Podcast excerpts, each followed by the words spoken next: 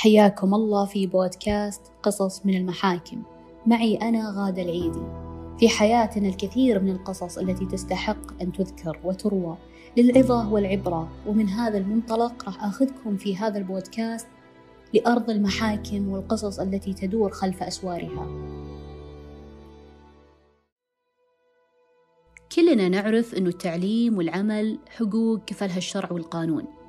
وكثير منا جالس يتمتع بهذه الحقوق برضا منا والبعض الآخر يتنازل عنها بقناعته وتختلف الأسباب من شخص لآخر لكن تخيل معي لو أن هناك من يساومك على تلك الحقوق المكفولة.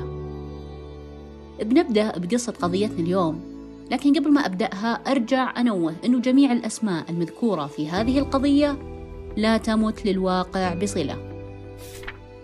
هذه هند عمرها 37 سنة متزوجة من ناصر اللي كان يكبرها بسنتين. ما كان بينهم أولاد ومتزوجين الهدف واضح اللي هو رغبتهم بإكمال تعليمهم العالي في الخارج. يعني كانوا ناويين يبتعثون سوا. هند وناصر ثنائي جيد جدا لكن هند كانت تتميز عن زوجها بإصرارها الشديد على إكمال تعليمها. حتى أنها قدمت على البعثة أكثر من مرة ورفضت لكن مع ذلك ما استسلمت أبدا. وخلوني أكلمكم عن ناصر شوي. ناصر طموح متفهم موظف وما كان التعليم العالي هدفه الرئيسي من الابتعاث. كان وده يخوض التجربة أكثر من خوضه للدراسة. لكنه يدعم هند في كل قراراتها. ناصر عنده عيب واحد وللأسف هذا العيب غير مقبول في جميع العلاقات اللي هو الكذب. في أول سنة من زواجهم حددوا الطرفين رغباتهم بالتقديم على الجامعات وكلنا اختار تخصصه وميوله والجامعة وبينهم وبين نفسهم متفقين على قوانين حاطينها لعلاقتهم بالسفر. وهم ينتظرون القبول ويرتبون إجراءات السفر. هند كانت تعيش شعور جديد عليها ومختلف شعور التردد. كونها بتروح غربة مع زوجها اللي ما كملت معاه إلا سنة. وزي ما إحنا عارفين إن سنة ما هي كفيلة بإنك تعرف شريك حياتك حق المعرفة. لكن الطبيعي إنك ما تكون مرتبط بأحد إلا إنك واثق فيه ويناسبك. يعني ناصر يوم تزوجها كانوا سائلين عنه وقال هو شخص سيدة وما يدخن ولا راعي مخدرات ولا سفريات ولا غيره. وملتزم بوظيفته يعني شخص مستقر نفسيا وماديا وعاطفيا وكانت هذه شروط هند الرئيسية بعقد نكاحهم. لكنها كانت تشوف السفر والغربة والابتعاث مو مجرد حلم متحقق بينما هو اختبار لعلاقتهم. وفعلا تحقق مرادهم وانقبلوا وكانوا متحمسين جدا للسفر ودراسة أخذوا أمتعتهم وتوكلوا على الله. أثناء الرحلة وفي الطيارة تحديدا التفت ناصر على هند وقال لها اسمعيني أبغاك لا نزلتي أول شيء تسوينه إن نتعامل مع بعض وكأننا بعلاقة حبيب وحبيبته. مو متزوجين. طبعا انصدمت هند قالت وش أنت انهبلت؟ إحنا فعلا نحب بعض ومتزوجين. وبعدين قدام الناس مين قصدك؟ قال يعني بالسكن والجامعة والمطار والمجتمع. إلى ما نخلص دراستنا ونرجع. طبعا هند من قوة توترها وتفكيرها بالمستقبل والغربة. ما استوعبت طلب زوجها لذلك أعطته إيماء تدل على رضاها وعدم اعتراضها. بعدها نزلوا واستقروا ومرت الأيام والأشهر على وجودهم بالغربة وأخذوا على البلد وكونوا صداقات وعلاقات. صار ناصر يلهى كثير عن زوجته وينام برا السكن كثير.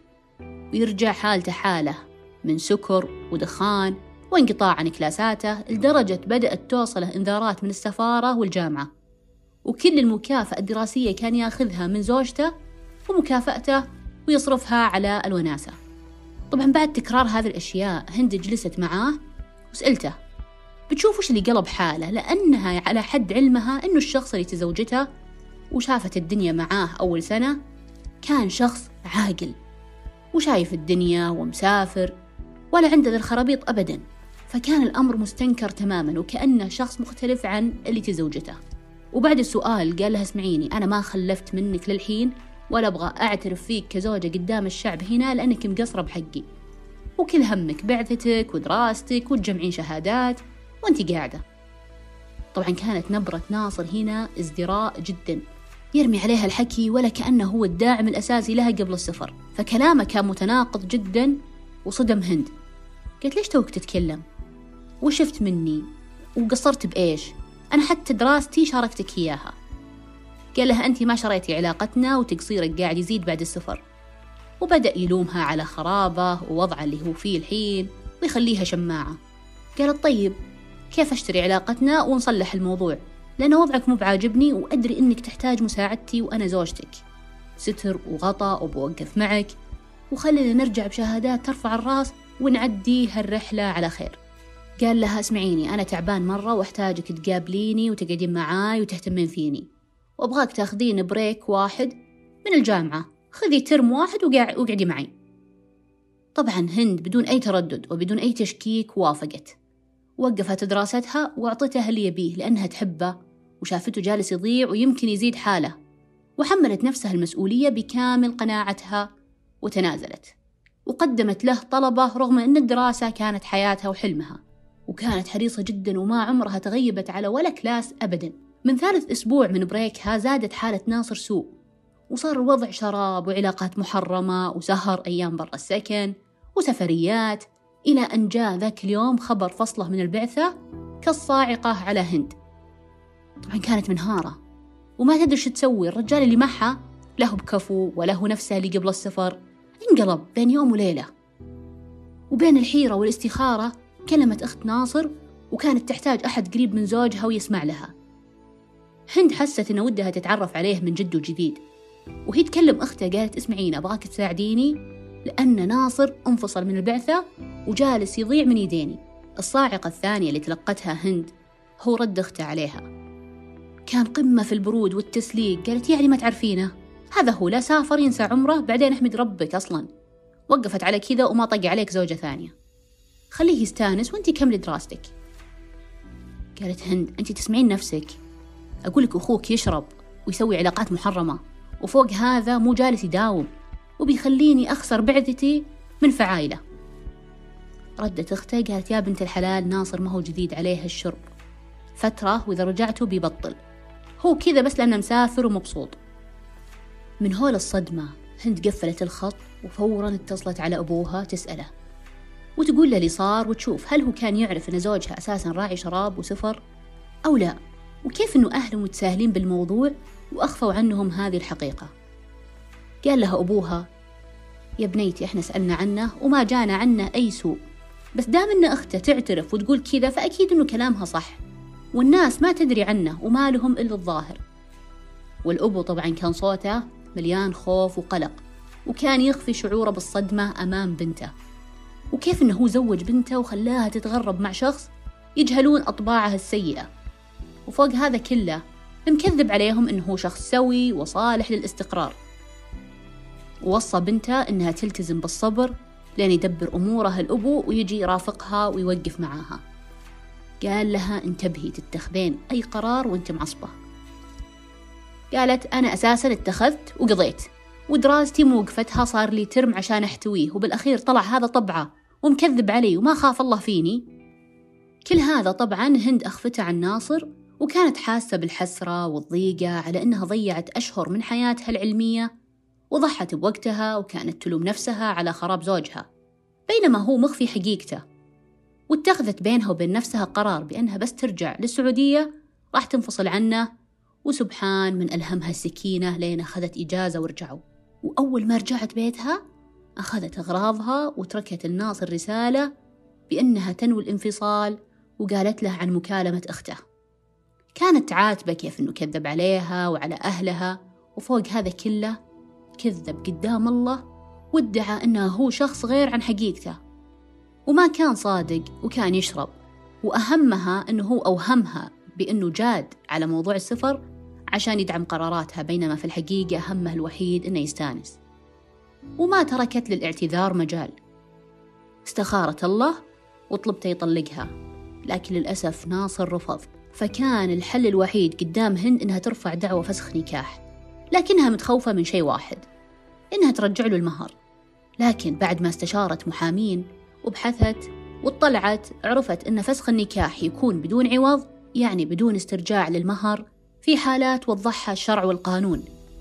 مثل أنه إذا أخل أحد الزوجين بشرط من شروط عقد النكاح ومثل شرب الخمر والمخدرات وتغيب الزوج لفترات طويلة.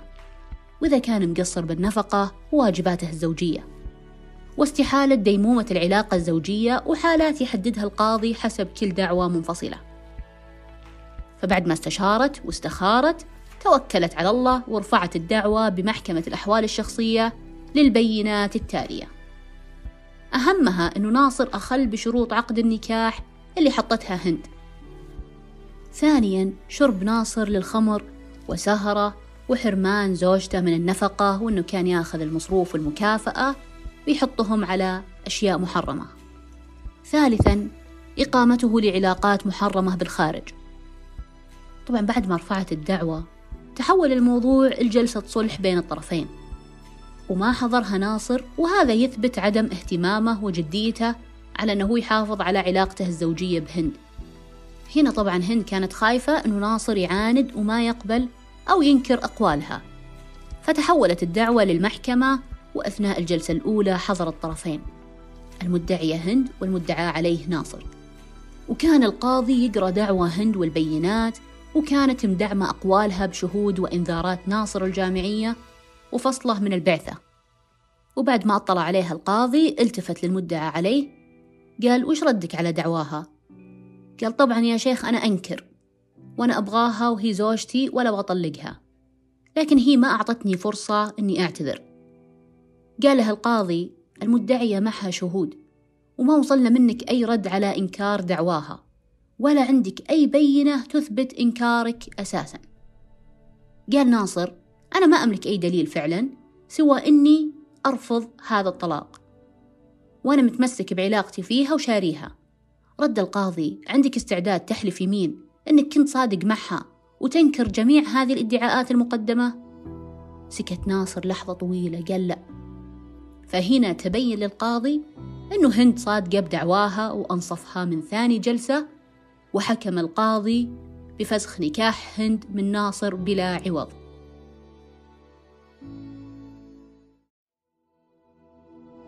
العبرة من هالقضية إنه هند كسبت حكم يعيد لها حريتها من العلاقة بلا عوض. لكن أيضا كان بلا عوض عن الأشهر اللي راحت من دراستها وسعيها خلف حلمها. مو ذنبها أكيد إنها تدخل في علاقة سامة مثل علاقتها بناصر. لكن التنازل بوقتها كان اختيار. والعلاقات السامة هي من تساومك على حلمك وتطلب منك عمرك ووقتك دون مقابل أو امتنان أو يشعرك الطرف الآخر بالفرق الذي صنعه عطاؤك. كلنا نملك القدرة على الحب والتضحية والتنازل لكن أيضا نمتلك حق الاختيار لمن وكيف وعن ماذا نتنازل؟ وتذكر أن تنازلك اليوم عن حقوقك البسيطة والمكفولة لك شرعا وقانونا ما راح يجي أحد في المستقبل ويشكرك عليها.